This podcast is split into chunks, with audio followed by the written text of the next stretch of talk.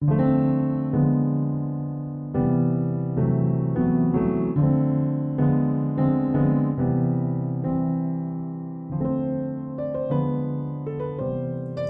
og velkommen til podcasten. Jeg hedder Niels og kommer fra Hurtigt og i dag på podcasten der skal vi snakke mere om blockchains og om vores projekt, øh, vi er med i, byggeriets blockchains, og i særdeleshed om sensorer og IoT, Internet of øh, Things.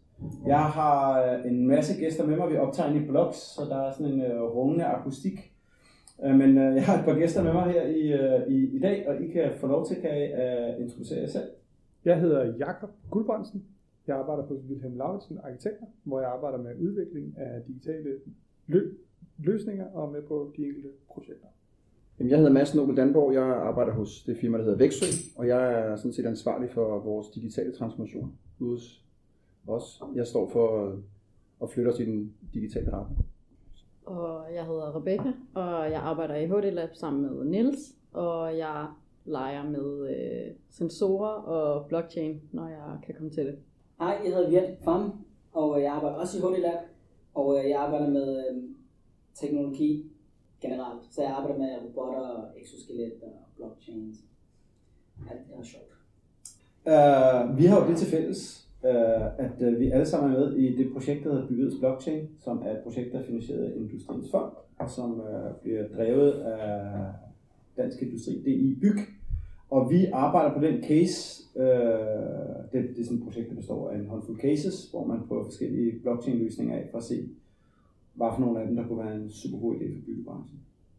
Og vi arbejder altså på den case, der hedder IoT Audit, øh, hvor vi har prøvet at kombinere nogle øh, sensorer, der sidder på internettet, og prøve at flytte data over nogle blockchains, for at se, hvad man kunne bruge det til, og om det var en fantastisk god idé. Og det vi i hvert fald har konstateret indtil videre, det er, at det er en ret kompliceret idé. Det var måske ikke helt sådan, som vi havde troet, da vi gik i gang. Men, øh, men, men det kan vi snakke lidt mere om øh, bagefter. Jeg synes virkelig, vi skal prøve at starte lidt, starte lidt med det der med sensorerne. Fordi hvor er vi egentlig henne med, med, med, med sensorer i dag? Det er jo, det er jo øh, en teknologi, som er blæst frem de sidste 5-6 år eller sådan noget stil, og hvor der er mere og mere af det, som er gået fra at være kablede sensorer til at være sensorer, der sidder på, på, på internettet. Uh, øh, Mads, kan du fortælle os lidt om, hvad er det, I har en bunke produkter inden for, for, for, for det her? Ja, altså vi har, øh, vi har en hel del sensorer, som vi øh, sætter op hos vores kunder. Og øh, vi, øh, vi står sådan lidt på to ben i det, i, eller i virkeligheden fire ben, vi har fire divisioner, men i virkeligheden er to af divisionerne der, hvor vi putter flest sensorer ind. Det er vores industriafdeling, hvor vi har øh, kunder, som er maskinbyggere, som er interesseret i at finde ud af, hvornår deres maskiner er overophedet, eller hvor meget de har et output, hvad temperaturen er på motoren og alt sådan noget. ting. Og så har vi den anden ben, vi står på, det er det, der hedder installationsdivisionen hos os, hvor vi er øh, det, man i gamle dage ville kalde en angro handelsvirksomhed, som, som sælger produkter via en grossist til byggeprojekter, hvor vi også øh, forsøger hvad kan man sige, sådan, sælge en masse sensorer ind i, i byggeprojekter. Ligesom i Blox her, hvor der i virkeligheden er været 50.000 sensorer eller ja. noget af den stil. 35-40.000 er der. Ja, der er inkorporeret i bygningen, som, som i virkeligheden skulle kunne kan man sige, dele en masse data ud. Øhm, vi, vi oplever, at der er rigtig, rigtig meget knald på omkring det. Alle efterspørger sensorer, og jeg ved ikke, om det er, fordi det er et buzzword, at øh, man skal bare have så meget data som muligt. Men øh, der, vi, vi sælger rigtig mange sensorer, og vi sælger også rigtig mange af de her gateways, som så connecter sensorerne. Øh, det ved jeg ikke, om vi kan komme tilbage til det senere, hvordan det spiller af. Men, øh, så det, øh, hos os øh, oplever vi i hvert fald en kæmpe interesse for sensorer. Cool. Det er jo med, med sensorer, der kan man sige, øh, en af vores observationer, når vi har siddet og kigget ned på, på det her projekt, er at de fleste sensorer bliver brugt til i virkeligheden at, at sidde og måle på et eller andet, eller rapportere på et eller andet. Og så, øh, kan de, så, så, så samler man egentlig ikke dataet op, men så bare kigger på, at det her data kommer ind, og hvis der rammer nogle værdier, så går der en alarm. Øh, så det er sådan den ene vej, man bruger sensorer, og den anden vej, man bruger sensorer, det er ligesom et speedometer, man siger, kan du vide, hvor hurtigt jeg kører, når jeg kører 80 km i timen eller 190, eller hvor meget det nu er. At det er ligesom de to mm. hovedapplikationer, der, der er. Øh, så øh, noget af det, vi, vi, vi, vi øh, kiggede på, var også det med, at der er jo ikke rigtig nogen, der samler alt dataet op. Og meget af det data, der, der er, det bliver samlet op i nogle proprietære systemer. Mm. Øh, så, så, så dataet er heller ikke så, så, så frit derude. Rebecca, du sidder også og kigger på noget med, med sensorer for tiden, udover i, øh, i, i vores lille projekt her, øh, hvor vi blandt andet kigger på sensorer i forhold til øh, bæredygtighedsprofiler på, på, på bygninger, eller performanceprofiler på, på, på bygninger. Ja, altså øh, i hvert fald noget af det, vi kigger på, det er, hvordan man kan bruge sensorers øh, måledata i det, der hedder real time. Så det man gør, det er, at man analyserer dataen, mens man samler den op, så man kan finde ud af, hvordan en bygning har det, eller hvordan den performer øh, ret instantly, øh, til sammenligning med, hvis man øh, undersøger den øh, med nogle sensorer, der ikke er internetforbundne. Så det er altså det, den del af det, der er smart, at man kan reagere ret hurtigt på nogle problemer, og man kan analysere nogle problemer løbende, øh, sammenlignet med andre typer af måleinstrumenter. Og det er jo sådan ret, øh, ret bred vifte af sensorer, men det kan være, at man sidder og har et eller andet billede af, at øh, IoT-devices, det er sådan en, øh, en lille hvid dot, man kan sætte fat i et køleskab eller en bil eller sådan noget. Men de er jo ret, øh, nu har vi jo haft en del af dem ude på, på, på skrivebordet øh, her i, øh, i, i Bloks, når vi skulle, når vi skulle prøve at, at bygge dem ind. Men de er jo, nogle af dem er jo store, og nogle af dem er små, og og, og de har jo meget forskellige payloads. Altså, hvad, hvad har vi egentlig, PT, hvad har vi så forskellige typer data, vi kan få ud af de her øh, øh, sensorer, som vi har kigget på lige nu? Jeg tror, det, det sjove er, når folk tænker sensorer, så tænker de på en sådan Philips Hue smart pære, eller sådan en IKEA pære, som tænder og slukker for. Jeg tror, sensorer det er meget, altså det er meget større end det. Altså, du kan få en hel masse ting. Jeg tror, de mest kendte sensorer, dem der bliver brugt mest af, det er sådan nogle CO2-sensorer, der måler fugtigheden og CO2-niveauet osv. Så, så udover det, så er der nogle altså, presence-sensorer, der tæller, hvor mange mennesker der er i et rum. Så har vi øh, lysreguleringssensorer, vi har skrald, skraldvandssensorer også. Så har vi GPS-lokationer, og vi har vi har lige fået nogle fra et, øh, et firma, der hedder Resourceful, der måler træ, fugtighed og, øh, og position. Så altså, der er en hel masse data, som, som man kan, kan få. Og så, jeg tror, det mest interessante, som du også snakker om, det er det der med, øh, det er de proprietære systemer. Det tror jeg er en af de problemstillinger, vi, vi kommer frem til, da vi begynder at prøve at samle hele det her puslespil. Ja, det, det synes jeg er en god point. Altså, vi kan jo få, øh, kan man sige, der er jo stort set ikke det data, man ikke kan få ud af en sensor. Altså, vi har jo været ude og kigge på, på, på øh, man kan gå på Amazon, og så kan man se boom, flere hundrede forskellige typer sensorer. Så hvis man vil have en CO2-måling, eller en temperaturmåling, eller en lysmåling, eller en strømmåling, eller en støjmåling, eller hvad, hvad der skal være, så findes der sandsynligvis en sensor til det. Jeg synes noget af det, der har været lidt skægt, det var, at vi brugte lidt tid på at kigge på alle de mange øh, protokoller, som vi snakker med. Så alle de her forskellige øh, sensorer taler jo ikke samme sprog. Og det havde vi måske en idé om, at, at det kunne være, at nogle af dem talte engelsk, og nogle af dem talte tysk, men så er det også cirka det. Og jeg kan ikke huske, hvor mange, hvor mange forskellige protokoller vi nåede op på.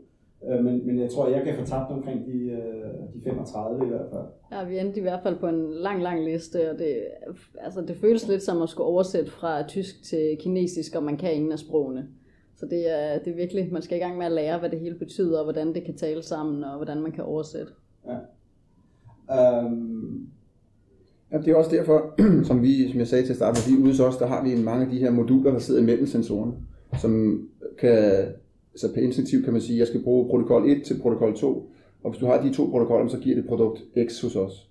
Så har du sådan et diagram. Vi har nogen, der hedder HMS, som, øh, hvor man bare går ind på deres hjemmeside og siger, at jeg har protokol E, et eller andet Y, og så ud skal det være noget andet. Og så giver den dig, så skal du bruge den her øh, modul her at sætte ind imellem.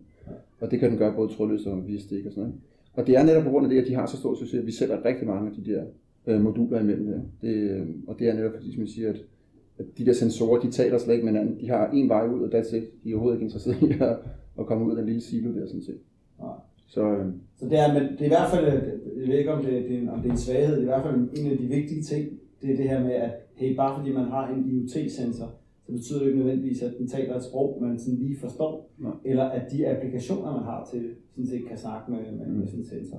Hvor at, at lige så snart man siger ordet internet, så tror jeg, at nej, så kan vi alle sammen. Ja. Men det er faktisk en ret stor forskel. Den anden ting, som øh, jeg også har været øh, lidt sket, det er, når vi har siddet og kigget på de her øh, mange sensorer, og skulle brække dem op for at få dataet ud af dem direkte, så er vi jo inde og fat i det, man kalder payloadet. Og payloadet, det er jo den datastak, som sensoren sender.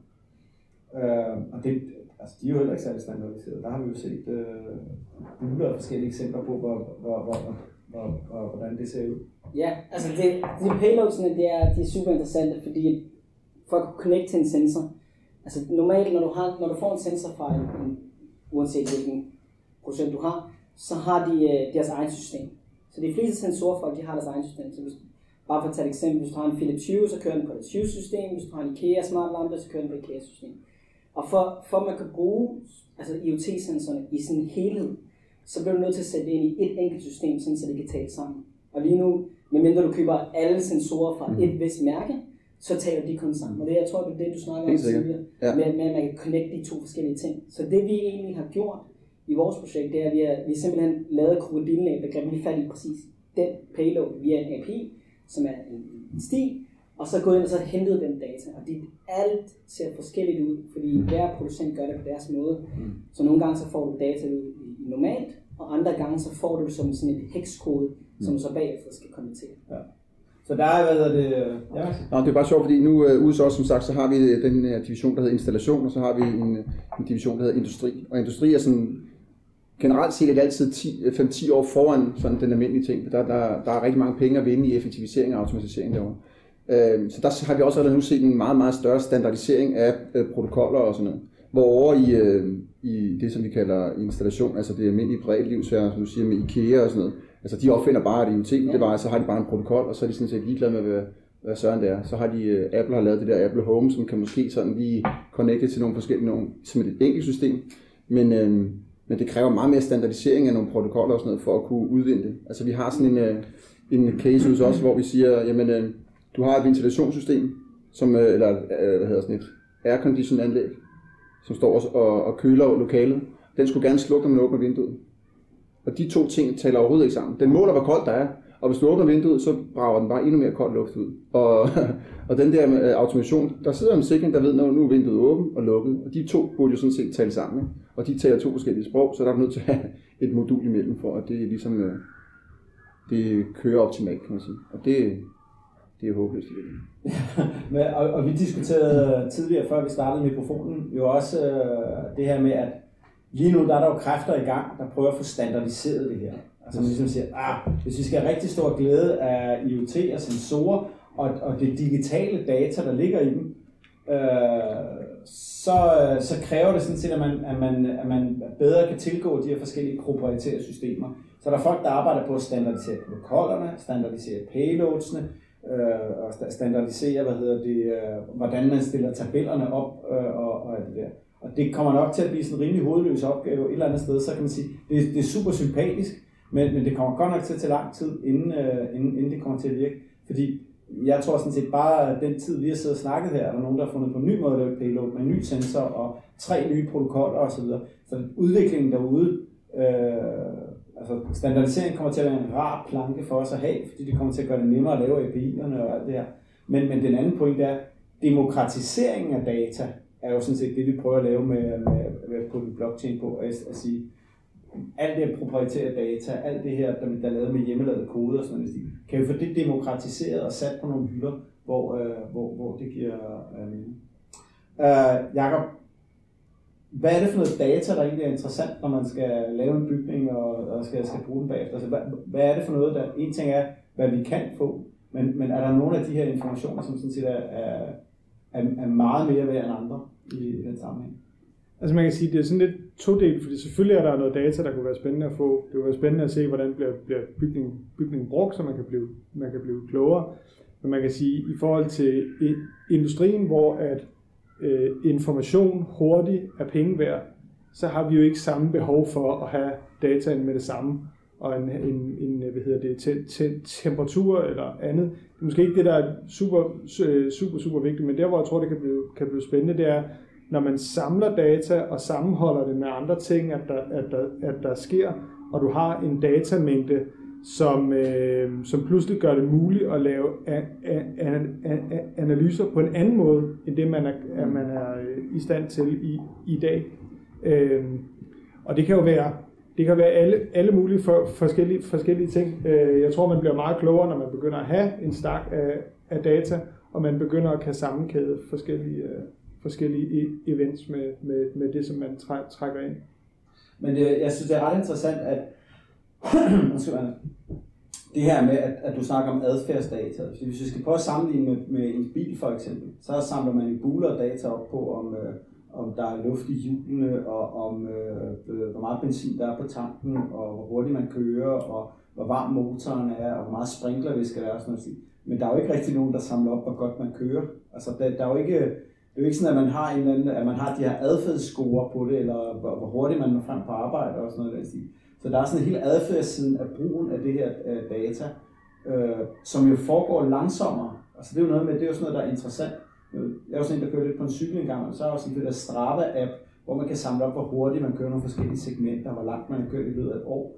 Og det er jo også en ny type data, man kan samle op og bruge til dels at prognostisere, men også at se noget adfærd, øh, som vi jo slet ikke samler op, hverken i biler eller, det er også lidt kedeligt at se den samme tur frem og tilbage.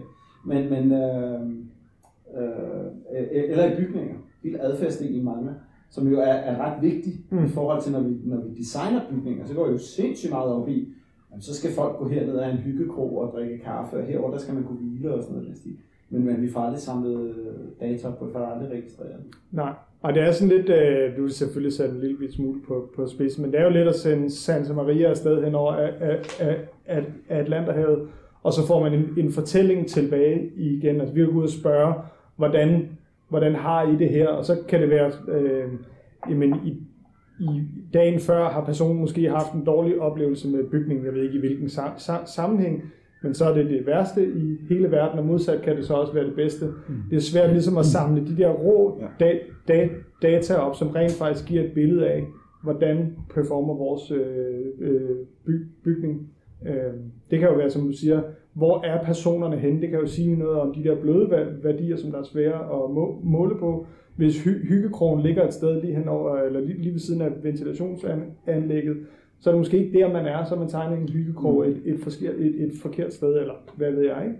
Øh. Ja, og det kan også være, at det er, det er mere ekstremt, at det er en lufthavn, eller at det er en busterminal, eller det er et eller andet, hvor man simpelthen siger, at vi bliver nødt til at finde ud af, hvor meget trafik der er igennem, for at kunne have en fleksibilitet omkring, om så flytter vi noget, eller, eller fjerner en væg, eller sådan noget.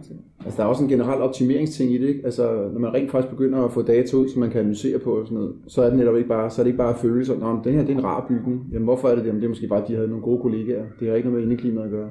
Men man, med data, så kan du meget nemmere få et, et fakt, øh, altså en fakta ud og sige, at den her den performer rigtig godt. Det er fordi, vi har lysindfald her, og vi har højt til loftet, vi har god temperaturstyring, et eller andet.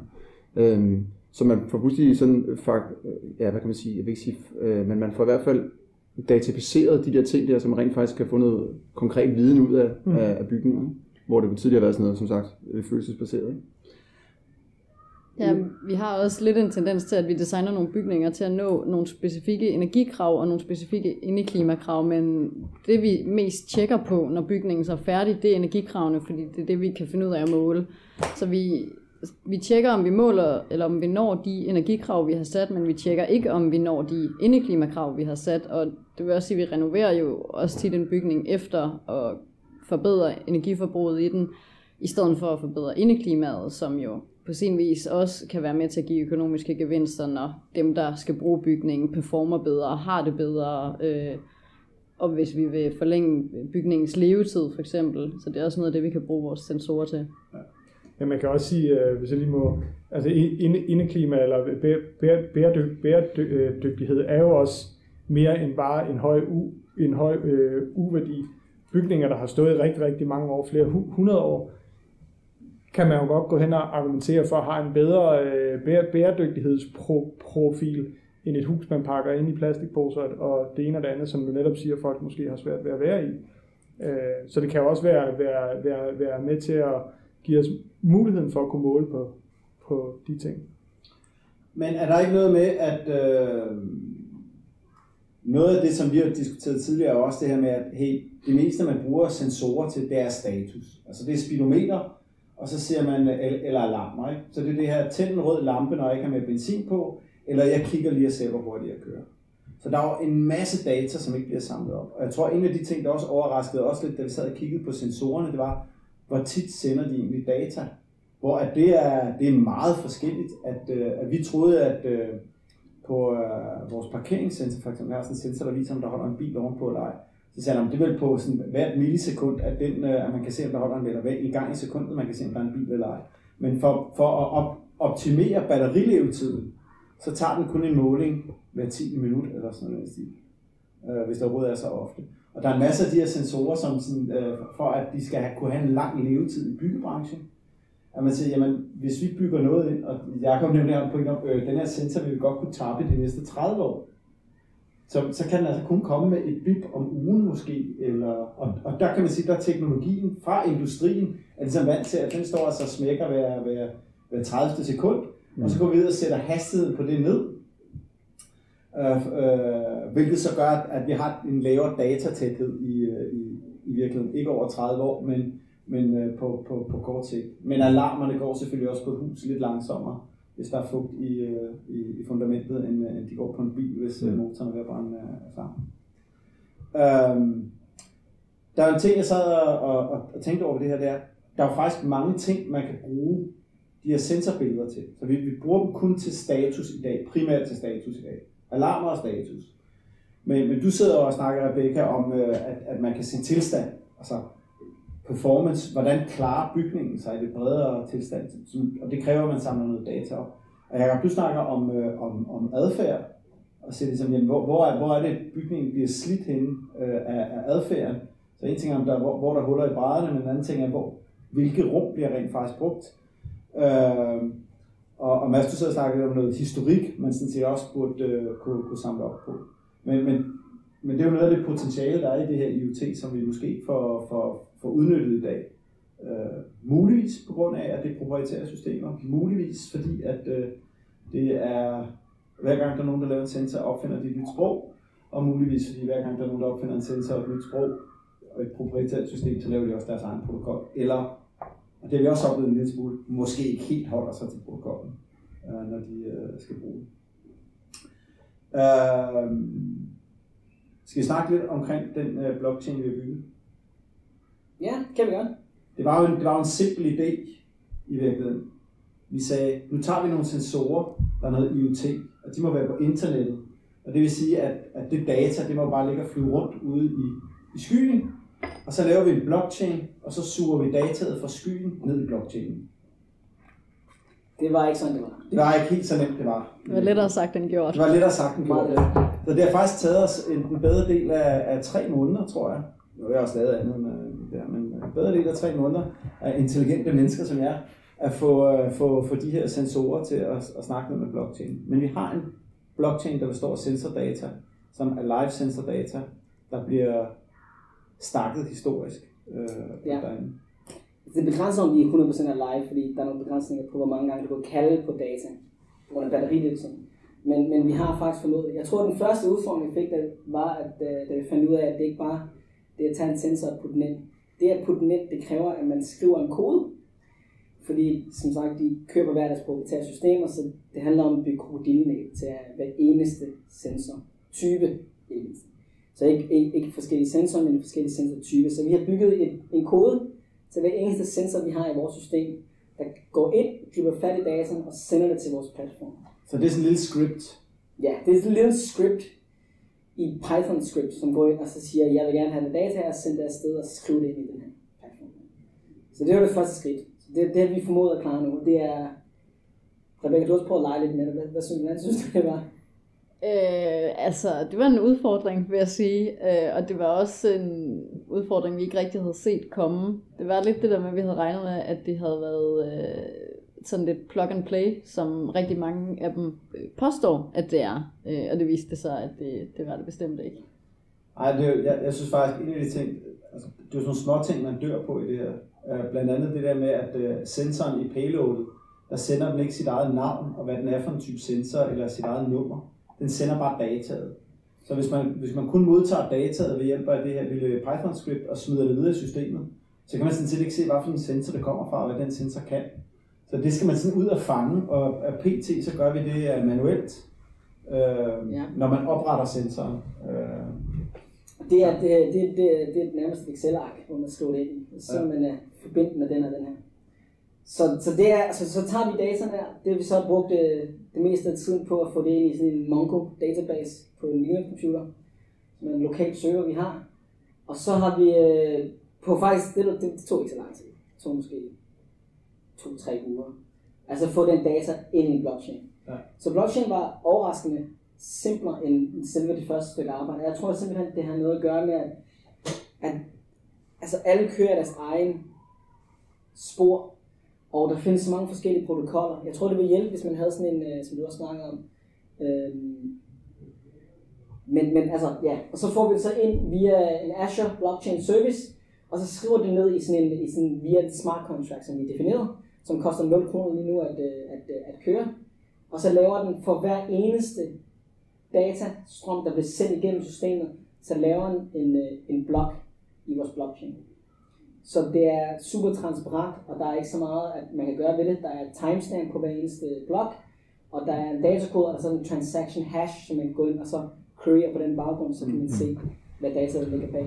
Skal vi lige tage den korte repetition fra, hvad hedder det, for, for dem, der ikke har hørt ordentligt efter i den første podcast, hvor vi forklarer, hvad en blockchain er. Fordi, så kan vi lige bare sådan en kort kapsel det nu. Fordi, øh, vi plejer at sige, at en, det er meget nemt at forklare. Fordi en, en blockchain er en meget specifik måde at lave en database på, med nogle meget strenge spilleregler. Øh, og hvis øh, man har en, øh, et problem, der passer til den struktur og til de spilleregler, så er der en masse forkodet funktionalitet og, og, og, og kan man sige, øh, features, som man kan få glæde af. Og det er lavet til bitcoins oprindeligt, eller til cyber øh, currencies, men kan bruges øh, til alle mulige ting. Og det snart vi holder op med at bruge dem til cybercurrency, så kalder vi det enterprise blockchains. Så det, det vi har her, det er ikke en, der laver penge. Vi er ikke ude at mine og lave penge, øh, lave vores egen valuta, vores IoT-valuta. Øh, vi har en enterprise blockchain. Og den består af en masse blokke, der er kædet sammen. Og hver blok indeholder noget data.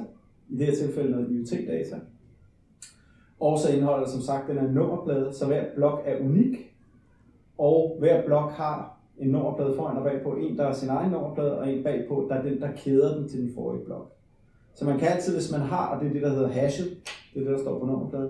Og hvis man har nummerpladen, så kan man finde dataet i blokken, og man kan query data i hele kæden, og man kan gå ind og se, hvem har oprettet den, og hvornår, og, og alle de her ting. Og så automatisk med det her, der kommer der nogle, nogle features, blandt andet så, som du, du nævner, så dataet i vores blockchain er faktisk krypteret Mm øh, automatisk. Så IoT-dataet, når det rammer blockchain, når det bliver skrevet ned der, så bliver det kapslet som krypteret data. Øh, som hvis man har det rigtige ID, så kan man dekryptere det. Øh, og så har man de her smart contracts, som i virkeligheden er sådan en, en automatisk trans- transaktionsmekanisme, der siger, at kontrakten er mellem to parter i, øh, i blockchain-netværket.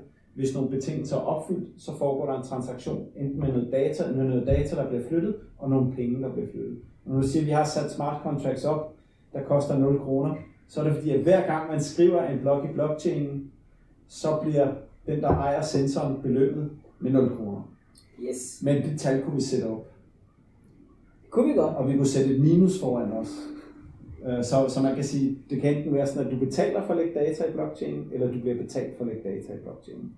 Øh, Sådan som øh, smart contracts er sat op nu. Men, men det smarte ved blockchain, det er jo smart contract, sjovt nok. Øh, fordi du, det, det, er en måde at validere data på, i stedet for bare, hvis du forestiller dig en normal database, så fylder du bare ting ind, og der er ingen, der validerer det. Du, du kan putte alt muligt ind, som, som ikke passer. Men her så, så, så kommer den kun ind i databasen, eller kun bliver skrevet i en blockchain, når den opfylder kravene, Ja. som står smart contract. Og det er fordi, vi bruger den smart contract til at lave den validering, Præcis. som man har også som et feature i, øh, i, i blockchainsene. Det er, at alle noderne i, øh, i netværket skal godkende den nye blok, og så har vi bare sat en automatik op på det og sagt, fordi at, at sensorer og computere, de lyver mindre end mennesker. Så hvis øh, det kommer ud af denne her sensor, der er med i det her netværk, og det er skrevet igennem vores system, så bliver det automatisk valideret af, af, netværket og, og, og skrevet ned. Øhm, vi har, med lige folk om, hvorfor det er en god idé at bruge blockchain til det her. Hvorfor er det god? Altså, der er mange use cases. Jeg ved ikke, om jeg skal fortælle så meget. Men øhm, altså, det, det interessante ved, ved blockchain i forhold til det her data her, jeg tror, vi snakker om det lidt tidligere i dag med nogle andre, øhm, det er for eksempel, de, de var nogle installatører, de installerede også, som vi gør, øhm, forskellige, altså, forskellige øh, forskellige ventilationskanaler og altså piercings og så videre, så videre. Men, men nogle af deres problemstillinger i forhold til det, var, at øh, når der var et problem på en af tingene, fordi de sælger dem som ting, der virker. Men hvis der var et problem for, lad os sige, patienterne og sådan noget lignende, så, ville de, så kunne de ikke vide, om det var dem, der installerede den, der havde problemet, eller om det var, øh, da de fik den fra fabrikken, eller et eller andet sted i kæden. Så et godt eksempel, øh, jeg ved ikke, det kan, det, det kan måske sige noget om, det er den der food trust der, hvor du kan køre altså hele QA ind i en, i en, i en blockchain, og du kan hurtigt finde ud af, hvor ligger det problem henne. Så i stedet for at du sælger et, et produkt, så sælger du et, øh, et indeklima, for eksempel. Ja, altså eksemplet med Food Trust der, øh, der er en af casene, som de tit trækker frem, det er det der med øh, en mango, der var øh, dårlig og gjorde en hel masse folk syge. Og øh, i stedet for så at tage alle mangoer ud af alle Walmarts i USA, så kunne man finde ud af, fra hvilken, øh, eller fra hvilket land og fra hvilken specifik øh, farm den der mango kom fra, så kunne man ligesom bare fjerne alle dem, der kun kom fra det. Og normalt ville sådan en proces så tage øh, uger eller måneder, hvis man ligesom skulle øh, hele vejen tilbage i systemet, og fordi det så kører igennem en blockchain, hvor alle oplysningerne på den måde bliver lagret, så kunne det tage et par minutter at finde ud af, hvor den der mango kom fra. Så tingene bliver gjort øh, automatisk og meget hurtigere øh, og meget mere sikkert. Og det, det samme tænker jeg, så kan man gøre det for servicebranchen. Så hvis, hvis der, du kan sælge et indeklima, og hvis jeg så siger, hey, det er, jeg, kan ikke, jeg kan ikke stå inden for, at det er et indeklima, fordi jeg ved ikke, om det er mig, der har lavet en fejl som installatør, eller om det er længere nede i kæden. Hvis du så laver hele QR-oplevelse, så kan du hurtigt finde ud af det. Men det er... Så det er en af tingene, ikke? Der, men der er flere selvfølgelig. Men hvis man, ja, vi har, vi har en liste over buler af mærkelige anvendelsesområder på, på, på, på blockchain. Men man kan sige, at første omgang, så det vi får ud af det, det er, at vi får opsamlet data, der ellers bare vil fordampe.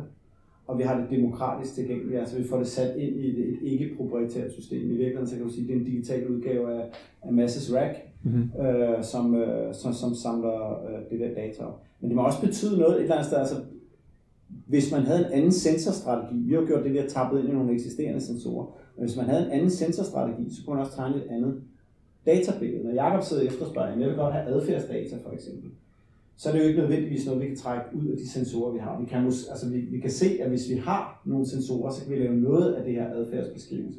Vi kan lave nogle af de her ting. Men, men, men det må jo ligesom kræve, at, at vi, vi uh, stopper nogle, uh, nu kigger på Mads, du skal Mm. sælge nogle flere sensorer, tænker jeg. Ja, vi er godt i gang. Vi gør det, ja. Ja. men, men, men det kan også være, at man skal, man skal installere med en anden strategi, øh, for, for ligesom at sige, det er nogle andre use cases, Ja. end bare det her med, virker den, virker den ikke, eller er den, Mm. er, er, er den gået i stykker. Hvis vi skal, hvis vi skal kunne give Jacob øh, adfærdsdataet, øh, Mm. mm. for eksempel, eller historikken, så kan det være, at vi skal teste nogle andre øh, sensorer ind. Ja, men det er rigtigt. Altså, og, og som alt muligt andet, så, så længe der er et formål, altså et økonomisk benefit ved at lave sådan nogle ting der, så, så vil folk også opsøge det, tror jeg. Så det vil sige, hvis man kunne få lavet en eller anden business case, hvor man rent faktisk enten bliver betalt for at dele data, som Jakob i det tilfælde her kan bruge, eller at man får penge for, for at dele data, øhm, så, vil, så vil folk også altså, løbe efter den bold der, det er helt sikkert. Så, så hvis der pludselig er penge i at, at kunne finde ud af, om folk i bygningen har det godt, så vil folk også øh, efterspørge det, hvis det giver mening. For det er jo ikke monetized i dag. Altså Slet ikke. dataet og sensordataet er jo ikke Nej. nogen som helst noget, der er, er, er, er bygget øh, penge på. Vi, altså vi kunne med vores, øh, med, mellem os fem, med vores lille blockchain her, der kunne vi jo godt monetize det data, vi hiver, vi er da allerede i gang med en kuglepen frem og skrive checks. Mm. Øh, men der kunne vi godt monetize øh, øh, data, Mm. men både på input-siden, altså data acquisition-siden, tænker jeg, og så også på data exploitation-siden, øh, altså når man bruger data, Mm. men også på data management-siden, altså selve blockchain. Der må være nogen, der er interesseret i at betale hjælp for at stakke alt det der data i, øh, i et øh, datahotel, hvor man kan finde ting. Mm. Og der må Jakob være interesseret i at betale. Du vil meget gerne betale for at få det.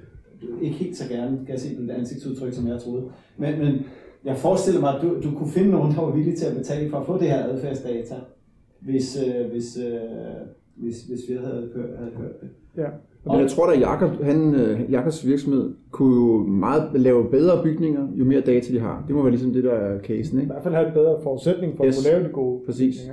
Bedre indeklima, bedre hvad kan man sige, sådan rumfordeling og, sådan noget. Det vil, det vil I kunne gøre med, med, med mere data.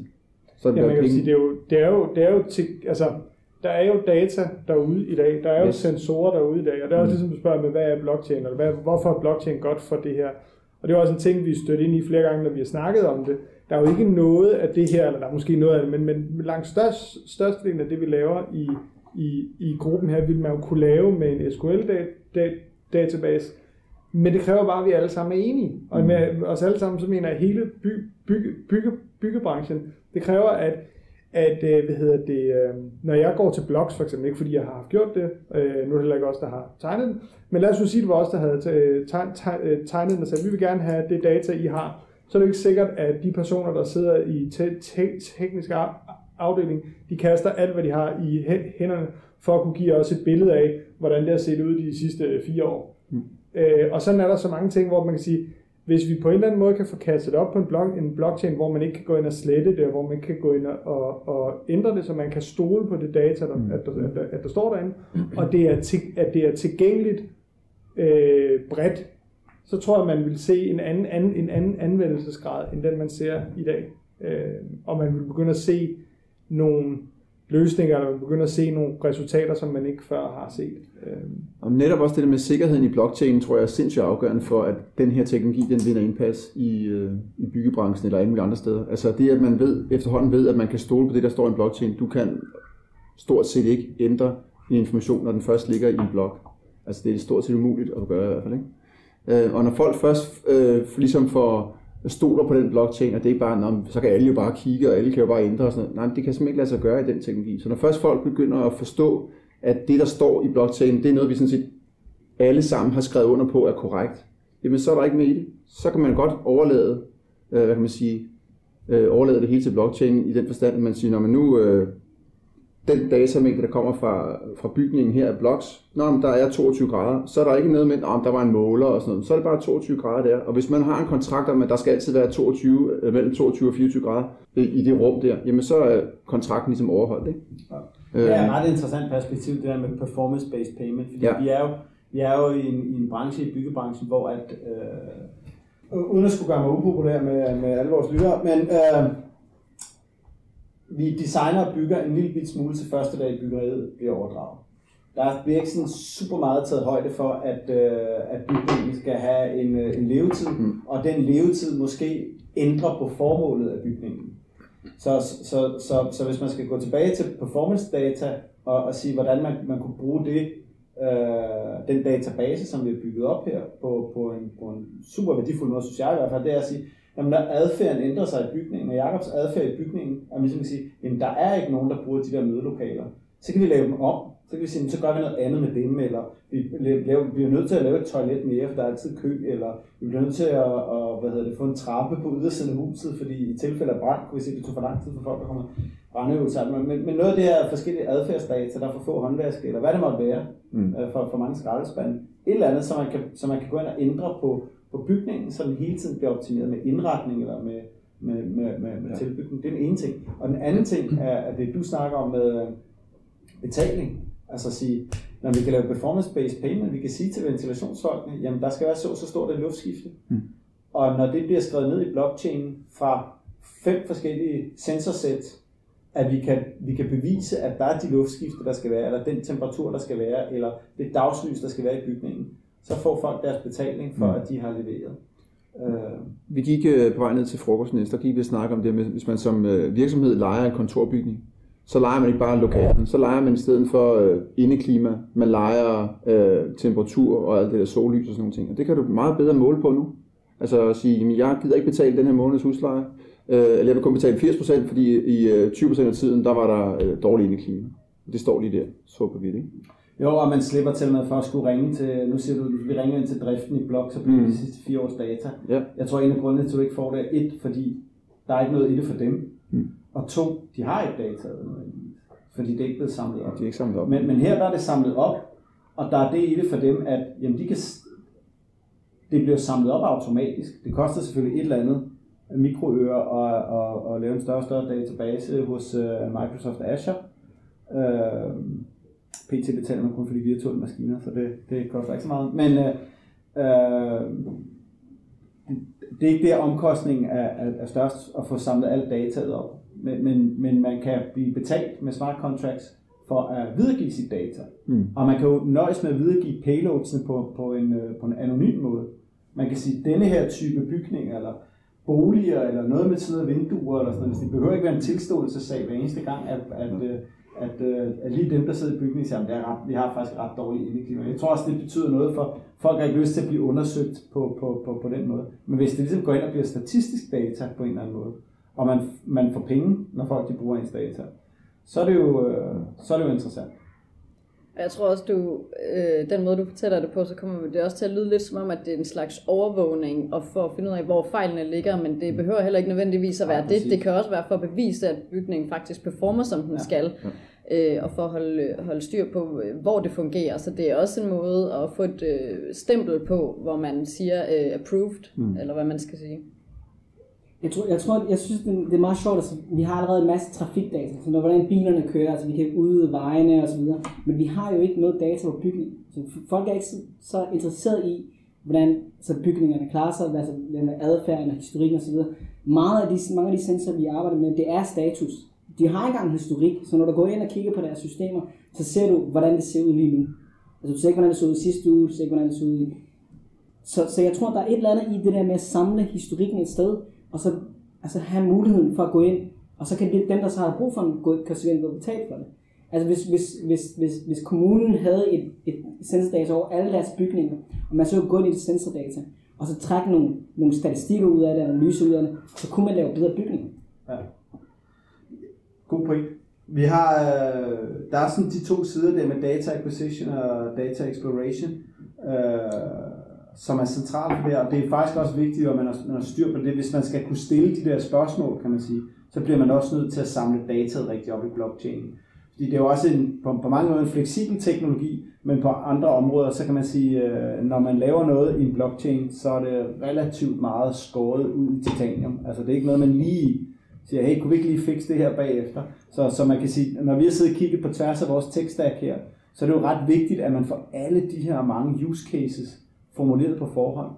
Uh, og jeg sidder lige nu med sådan et, et billede af, at rigtig mange af de ting, vi har snakket om, det kunne vi sagtens få vores blockchain til at gøre, hvis vi lige vred lidt på den. Mm. Altså hvis vi, hvis vi, startede, for, hvis vi startede forfra, og, og vi havde tænkt endnu bredere, så ville den her blockchain jo faktisk kunne tjene mange flere formål.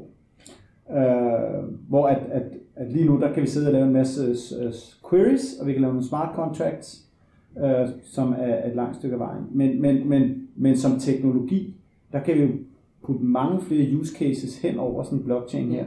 Om det er så performance payment, om det er øh, øh, data af rapporter, om det er alarmklokker, der går, eller om det er adfærdsdata, eller tilstandsdata rapporter, eller at kunne lave fejlsøgning ved drift, eller sådan noget. Vi, vi kan jo servicere mange af de der use cases med, øh, med blockchain, fordi vi har smart contracts, og fordi vi har det validerede data. Altså det her med, at det, der står i blockchain, det ved vi er rigtigt. Og vi ved, som Mads siger, du kan ikke korrumpere det, for du kan ikke slette det, og du kan ikke ændre det. Du kan kun læse og skrive i en blockchain færdig arbejde. Så på, på den måde er det en, en meget simpel database. ikke? Ja, men jeg tror, om vi så satte os ned, og så sagde, nu har vi resten af året til at finde alle de use cases, man kan, man kan bruge, så vil, altså, vi vil ikke vide, hvad der sker. Øh, altså jeg tror, at sådan Bell anede ikke, at vi ville rende rundt og søge på noget, der hedder internettet på en te- telefon, som der ikke var stukket ind i. Altså, vi, når, når det her kører, og vi har det ensrettede da, da, data og, så, og sorterede da, data, så vil man begynde at se forskellige use cases, der pop, øh, popper op, og der kan kom, kom, kombineres med andet tech osv. osv. Men det er også derfor, jeg tror faktisk, at det her med det demokratiserede data, i stedet for det standardiserede data, er en sindssygt god idé. Fordi lige nu, der sidder vi med noget, noget tech, som vi har, vi har lavet en stack, og vi har samlet det her op, fordi vi havde en, en, en idé, en anvendelse for, for øje, og nu sidder vi og kigger på det og siger, at man kunne sådan set bare 25 use cases ind over det her, du siger ja, og i morgen kan vi finde på 50 mere. Øh, Måske ikke 25 50, måske 5 og 10. Men vi, vi kan finde på mange flere øh, øh, øh, derudaf. Men strukturen i blockchain, som den er nu, gør sådan set, at vi kan, vi kan sagtens bygge flere use cases ovenpå. Hvorimod med de proprietære systemer, der står på standardtabeller og sådan noget, der kan vi ikke bare putte flere use cases ind over. Øh, det, det, det, det, det, gør lidt ondt på os. Mm. Så vi har snakket lidt om øh, dataindsamlingen, som man muligvis kan gøre nemmere. Men burde gøre det. Man burde gøre lettere. Har vi noget data på det? Men man burde, man burde kunne have nogle klasser og scripts, der kunne snakke med de her sensorer. Man burde kunne snakke med sensorfirmaerne om, at øh, deres API'er var tilgængelige på en for, fornuftig måde. Det, det, det, det, det kommer sikkert. Uh, kan godt være en masse, han ikke sælger helt så mange af de der Nå, nej. Det er måske rigtigt nok. Men altså, Apple har jo gjort det nu. Apple har i hvert fald, øh, og de har jo også så stor magt nu, så man kan bare sige, vi laver bare en Apple-standard, og så begynder IKEA og Philips og sådan noget, de begynder at finde ud af, at hvis vi er, skal sælge vores produkt til consumerbranchen, jamen så er vi nødt til at ramme øh, Apples øh, nu siger protokol eller script, eller hvad man kalder det. Altså det er nødt til at finde den standard der. Og så laver man en IKEA-lampe, som passer lige præcis til den, og så kan du styre den via din telefon. Så, så er vi ude i en standardisering. Det er godt nok ikke øh, noget, der er regeringsstyret eller statsstyret, men det er så et øh, Apple-styret, hvis man kan sige det sådan, ikke? Nå, men det er Men- faktisk... Ja. Ja, kom bare. Magt som et lille land. Ja, ja, netop. Men altså, standardisering, det er keywordet. Og Amazon, Apple, Google, Zigbee Alliance og alle de store der, de har faktisk sat det sammen og lavet det her. Så det er ikke kun Apples. Det er faktisk, øh, det er faktisk dem alle sammen, Mhm. mm. der har sagt, at vi bliver nødt til at lave et eller andet.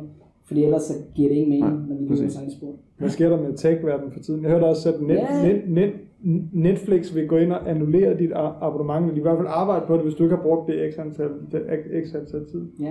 Og Apple og Google har lavet en corona-app sammen. Ja. Jesus.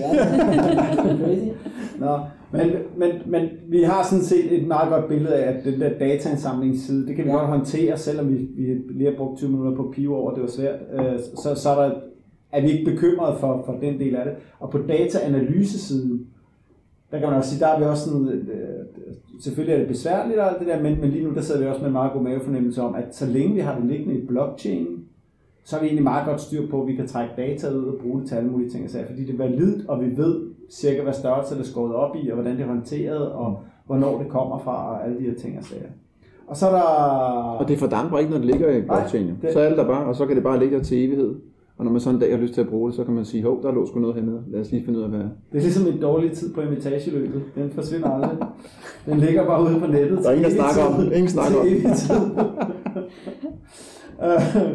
og så er der monetization, som vi vil kalde det, eller k- kommercialisering af det, hvor at, at vi jo har super fede værktøjer i blockchain Mm. øh, til, at, øh, til at smide smarte kontrakter på, eller smart contracts på, øh, fra Solidity, øh, som vi også kan putte rigtige penge på, øh, hvis det skulle være. Vi kan smide Jets kreditkort ind i det der, og så, så kan vi sådan set få betaling, eller blive betalt for, øh, for, for de her ting.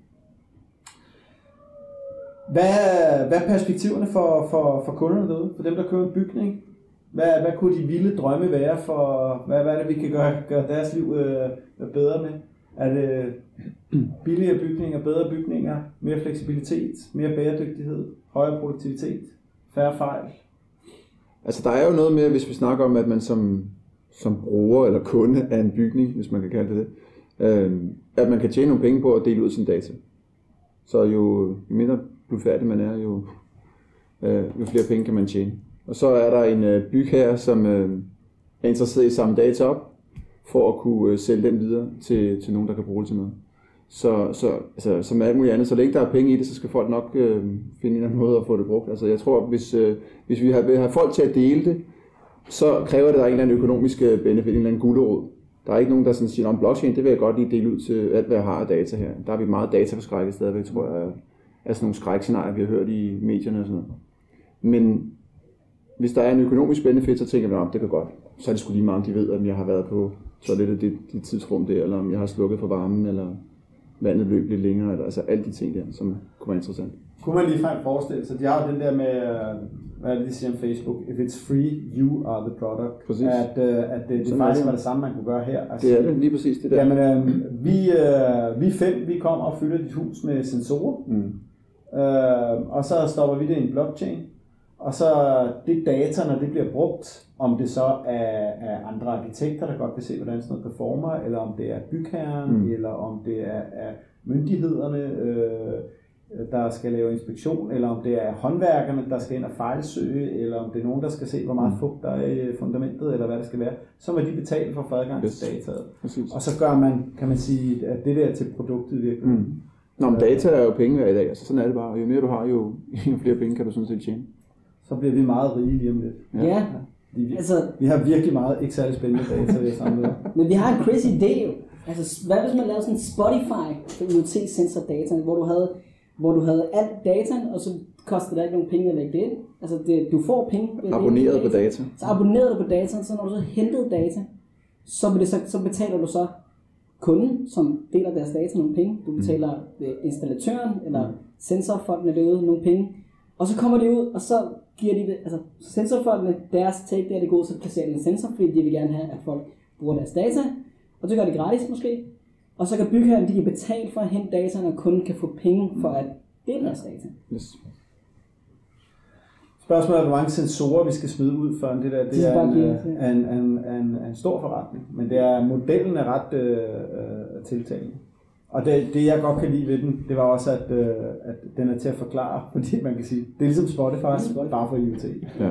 Ja. Er der andre ting, øh, Rebecca, hvordan kan vi få mere bæredygtige bygninger med... Øh, Jamen altså, vi har selvfølgelig nævnt den et par gange nu, men øh, den der performance-based payment, den øh, synes jeg stadigvæk er ret vigtig, fordi der er så mange øh, andre brancher eller produkter, hvor vi ikke betaler for øh, et produkt, hvis ikke vi ved, at det lever op til det, vi betaler for. Der er ikke nogen, der har lyst til at købe en bil, der 20% af tiden kun kan køre 50 km i timen, eller en computer, der kun kan tænde 8 ud af 10 gange. Men med bygninger, der er så stort og udefinerbart, at vi køber dem, og vi betaler for dem, og så lever vi med, hvordan de nu klarer sig. Mm. Så det er altså sådan en, en mulighed for faktisk at få, hvad man betaler for. Øh, Det synes jeg er en ret god case. Ja, du kan faktisk gøre det bedre end det. Du kan sige, du kan straffe dem, der ikke leverer, og Ja. du kan belønne dem, der overleverer. Så man Ja. kan sige, hvis, hvis, øh, hvis, hvis du siger, at vi leverer en... øh, I dag, der kører vi efter sådan noget øh, guld, sølv, platine-agtige certificeringer. Ikke? Men man kunne gøre det, at man sagde, når vi udbyder det her projekt, når I har bygget det, så vi vil godt have, at det skal være guld. Hvis det ikke er guld i performance, altså en ting er dokumentation, men i performance, så, så får I ikke de sidste penge. Altså, mm. Så før en bygning beviser, at den rent faktisk er guld, så får du ikke pengene. Men hvis den viser sig at være platin, så har vi faktisk en ekstra pulje til jer, hvor I så, bliver, hvor I så får ekstra.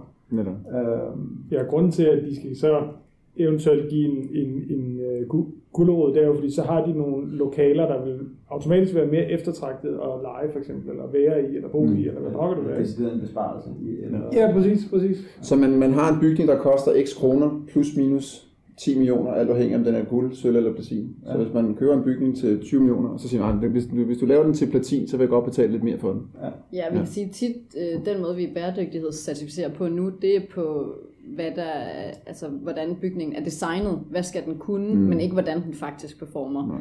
Og det er jo heller ikke øh, helt holdbart at øh, dele certifikater ud til højre og venstre på den måde, hvis bygningen faktisk ikke performer. Men der kan også være to øh, årsager til, at en bygning performer. Måske at den er indrettet forkert, men også dem, der rent faktisk bruger bygningen, mm. øh, ikke er kloge nok, eller ikke er opmærksom på, at man skal lukke vinduet, når man tænder for, for kugleren. Altså det, det kan man jo også pludselig måle, ikke? Ja. Så man kan sige, når man, ja, men den performede ikke. Nej, nej, men det er fordi, vi kan se her, at vinduet stod åbent hver gang, at øh, I tændte for aircondition, så er det klart, hvor man jo ekstremt meget strøm på det, ikke? Der er også de automatiske patienter, som folk altid, det første man gør, det er lige at slukke for dem, fordi de er irriterende, når de larmer. Og så performer den ikke efter. Nej, præcis. Nej, for dem er der jo faktisk nogle Der er øh, rigtig mange. ENB-point i, som, Ja, der er. Ja, men det, som, yes. som alle scorer. Ja. Øh, om, og, om cykelstativet stadigvæk er der, og, og alt det der. Ja. Øh, jeg tænker også lidt på, øh, hvad hedder det, det her med kunderejsen. Det her med, at vi begynder at samle, altså lige nu, der kan man sige, det data, vi samler op, når vi bygger, det er jo sådan Aspil-dokumentationen og, og sådan driftsmanualen på, hvordan, hvordan man bruger det. Så vi, vi dropper i virkeligheden lidt ligesom når man køber en bil, så får man en helt spritny bil og en brugermanual, og så siger de, vi har lige fyldt tanken op for dig. Og så starter man sin rejse der. Men man har jo ikke, øh, man, man bliver jo ikke fuldt af, af, af Volvo eller BMW, øh, jo det gør man sikkert, men, men øh, man, man er ikke klar over, at man bliver fuldt i hvert fald på, på sin adfærd og, og alt det der. Det er i hvert fald ikke sådan, at hvis man kører bilen dårligt, at så koster det ekstra. Mm. Øh, så, så på, på kunderejsen her, der må også være nogle muligheder i at sige, jamen når vi sidder og kigger på performancen, så man siger, hvis, hvis, hvis du gør det dårligt med produktet, øh, så, så kan det godt være, at du stadig skal betale dine leverandører, men det kan også være, at, at hvis, hvis det ikke bliver brugt godt nok, at du kan få feedback til, hvordan du kan, Mm. kan gøre tingene på en anden måde. Men at, at, vi, at vi simpelthen sidder og kigger lidt længere frem også på, hvordan skal bygningerne performe de, de næste 5, 10, 15 år. øh, i stedet for, hvordan skal de bare se ud, når de bliver afleveret. Vi har jo nogle af de store bygherrer, nogle af dem, som der bygger flere gange, som der, altså hvor når man skal bygge en ny øh, bygning, så kan man lave et byggeprogram, hvor man øh, a- a- analyserer sig frem til, øh, hvordan skal vores nye bygning se ud på baggrund af det, vi ved.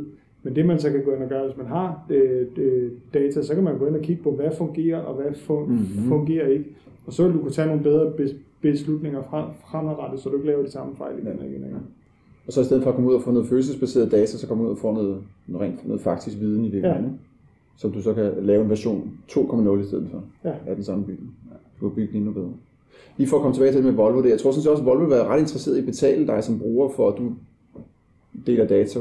Mange sidder i bilen, mm. når, når du kører så hurtigt, hvor tit er, altså alle de ting der, det er jo noget, Volvo kan optimere deres bilproduktion på. Ja. Så øh, hvis, hvis det var, at det røg ned i en blockchain, og man som bruger og Volvo er enige om, at øh, det her det er det, som setupet er, og vi er enige om, at det, der ligger der, det er sandheden sådan set, så kunne jeg godt forestille, at man som forbruger på sigt godt kunne få penge for at køre sin Volvo. Men der, Eller få, øh, nu siger jeg, rabat på reparationer eller service, ja. altså det der, ikke? Der kunne være nogle benefits for Volvo i at, at suge data, forbrugerdata op, ikke? Ja. De har et eller andet, hvor jeg kan ikke helt huske Nej, det, det ja. må lytterne lige google, men, men de har et eller andet med, at de faktisk deler deres crash-data. Så hvis der er, er ulykker eller sådan noget den stil, så deler de faktisk en del Mm. af det der øh, data Ja. øh, bredt, så, så at øh, ulykkesdata, det kan, det kan alle tilgå på en eller anden øh, måde og bruge i deres øh, øh, udvikling. Mm. Øhm, og der kunne man jo, altså man kan jo sige, det er jo sådan ret, øh, ret fornuftigt gode at dele, dele ud af for, af for alle. Mm. Øh, og det kunne man jo også have med bygninger. At man sagde ligesom, hey, hvis der er, hvis der er brand, eller hvis der er larm, eller hvis der er oversvømmelse, eller sådan noget, så hvis der er nogle øh, uheldige øh, incidents, så, øh, så, så kan man dele det der data, og hvis man deler det der data, så kan det være, at man kan få rabat på sin forsikring, eller Yes. på, på et eller andet den stil. Det, det fikser vi også. Den, øh, den tager vi også med. Ja. Cool. Skal vi, øh, skal vi lige kort prøve at, at opsummere øh, IoT? Det er en god idé. Øh, Fremragende. fremragende kan man bruge det til meget mere, end vi gør i dag? Ja. Ja. Ja. Blockchains, Det er også en god idé. det er også en god idé. Ja. Det er ikke Det skal bare modnes lidt. Det er jo ny teknologi. Ja. Ja. Altså, jeg synes, øh, når man hører sådan noget 3D-print og sådan noget, det vil jeg sådan, folk godt forstå 3D-print. Og det er noget, der har været siden 60'erne. Nu hørte vi sagde, at blockchain var blevet opfundet i hvad? for 10 år siden. For 10 år siden. Men faktisk har jeg hørt, at blockchain-tankegangen var fra starten af 90'erne og sådan noget. Ja. Ja. Og det var sådan med timestamps på dokumenter, som man havde lagt det ned i en eller anden database, så kunne man sige, at det dokument det er underskrevet på det tidspunkt, ja. og så kunne det ikke pilles ved. Så selve sådan ideen jamen, det er, er jo kun for 90'erne. Men det er også meget, meget nyt. Altså, de skal jo lige have lov til at sådan modnes de teknologier, og folk skal vende sig til ordet blockchain. Det lyder også virkelig sådan avanceret, ikke? Når man hørte det første gang, tænkte jeg, hold da, hvad fanden er blockchain? Men så forstår det, så er det noget andet. Jeg tror, jeg tror, når blockchain endelig begynder at virke, det er, når Ja. du ikke opdager, den er der mere.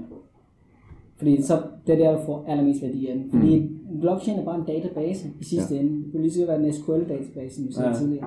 Så når det fungerer, det er, når folk ikke ved, den eksis- eksisterer. Ja. Vi, vi, bruger, vi har nogle gange brugt øh, par, parallellen med, øh, med internet, eller med World Wide Web faktisk, ikke med internet, for det er en helt anden historie, men, men med World Wide Web, som jo blev opfundet i 89 eller sådan noget stil. Og så hvis man ser i 99, hvordan World Wide Web var kommet med browser og, med, og Google var kommet og søgemaskiner og alle de der ting. Men hvis du går ind i Time Machine og ser på, øh, hvordan internettet så ud i 99, så er det crazy. Altså det er jo, eller World Wide Web så ud i 99. Det er fuldstændig vanvittigt, og sitesene er jo til hest. Altså det er jo, mm-hmm. Og editor, man havde de der editors og sådan, så det er ret skægt at gå tilbage og se, når du har sådan et, et, en protokolbaseret datadelingsmetodik, man stempler ind med et entydigt formål, mm. så tager det 10 år, inden den bliver trukket til højre i virkeligheden, og man begynder at sige, jamen der er også alle de her ting, vi kan bruge ja. det til. Og jeg tror, det er lidt den eksperimentelle fase, mm. vi er i lige nu, som i sådan 1999 på World Wide Web niveau. Og så her mange år senere, der er der jo ikke nogen, der snakker om World Wide Web. Hvis jeg spørger mine børn, ved hvad www står for, så kigger de på mig, som om jeg er gal. Skal man huske skrive det med? Ja, og de ved jo heller ikke, hvad HTTP står for, altså den Hypertext Transport Protocol. Altså alle de der protokoller og alle de der mm. ting, de skriver det, men, men for dem kunne de lige så godt skrive øh, fire emojis eller sådan noget, hvis de aner ikke, hvad det er. Mm. Og World Wide Web er jo blevet embedded, ligesom du siger med, med blockchainsene. Det ligger jo bare kører nedenunder. Mm. Øh, alle vores øh, søgemaskiner, alle vores apps og alle de andre ting og sager. Men det er sjovt med det der med, for øh, når vi snakker vi om internet og sådan noget, så Google kommer ud, og så blev Google jo pludselig, i starten var Google jo ikke noget, det var bare sådan en lille bit spiller, og så pludselig blev Google øh, standarden. Og det kan godt være, det var en, øh, altså, en privatisering i virkeligheden, eller det foregik, fordi det var en privat virksomhed og sådan noget, men det, det kom som en standard. Øh, og browsers, de har også en måde, øh, HTTP, det er også en, altså det er en standard nu, som vi siger, at alle de her sensorer, de kører på altså 100.000 forskellige protokoller og payloads og alt muligt andet, og det er ikke til at finde ud af. Og pludselig er der en eller anden stor nok spiller, der kommer og siger, det er sådan, jeg vil gøre det. Og øh, hvis du skal tappe ind i mit system, så skal din øh, payload se sådan ud. Og så begynder man at få standarder, og til sidst så har man noget, der hedder open source, og noget, der hedder lukket, ikke? og så er det kørt. Altså, Og det er jo vildt med, med, med søgemaskinen på Google, fordi den er, altså, jeg synes jo stadig, den er vinder. Og så kan man sige, Microsoft de prøvede med Bing at komme op, Ja. og, og det er, altså, det er virkelig en dårlig dag på kontoret, når man sidder på et eller andet hotel og skal låne en computer, og den er stuck on Bing, altså det er Ja. virkelig forfærdeligt. Ikke? Øhm, og det er nok, fordi det er, det er ret svært. At, men når man først kommer frem og ligesom mm. får lavet den der secret source opskrift yes. på, på, på, på det der, Ja. så er de er jo, der er jo ikke, jeg ved ikke, hvor mange af der bruger Alta Vista, eller Spider, eller nogle af de andre søgemaskiner mere. Det er ligesom ikke... Mm. der var det ikke engang, hvor ja, Yubi og Yahoo og sådan noget, det var, Ja, Yahoo. det var det. Altså, det var, kan det, jeg huske.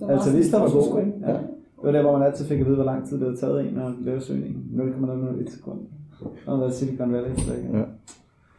Cool. Er der, er der, har I noget på, på hjertet, som vi ikke har, har fået rundet? Vigtige budskaber? Vi har nået det hele. Der bliver, der bliver rystet på hovedet her. Jamen, øh, så vil vi sige tak for i dag. Tak fordi I, øh, I, I kom og var med til at diskutere om blockchains og IoT og sensorer og byggeriets øh, blockchain. Og tak til Virt, fordi han vil gøre os alle sammen til mange millionærer øh, i løbet af de næste 6-12 måneder. Spotify til byggeri. Spotify til byggeriet. Der var den. Tak for det. Vi høres ved.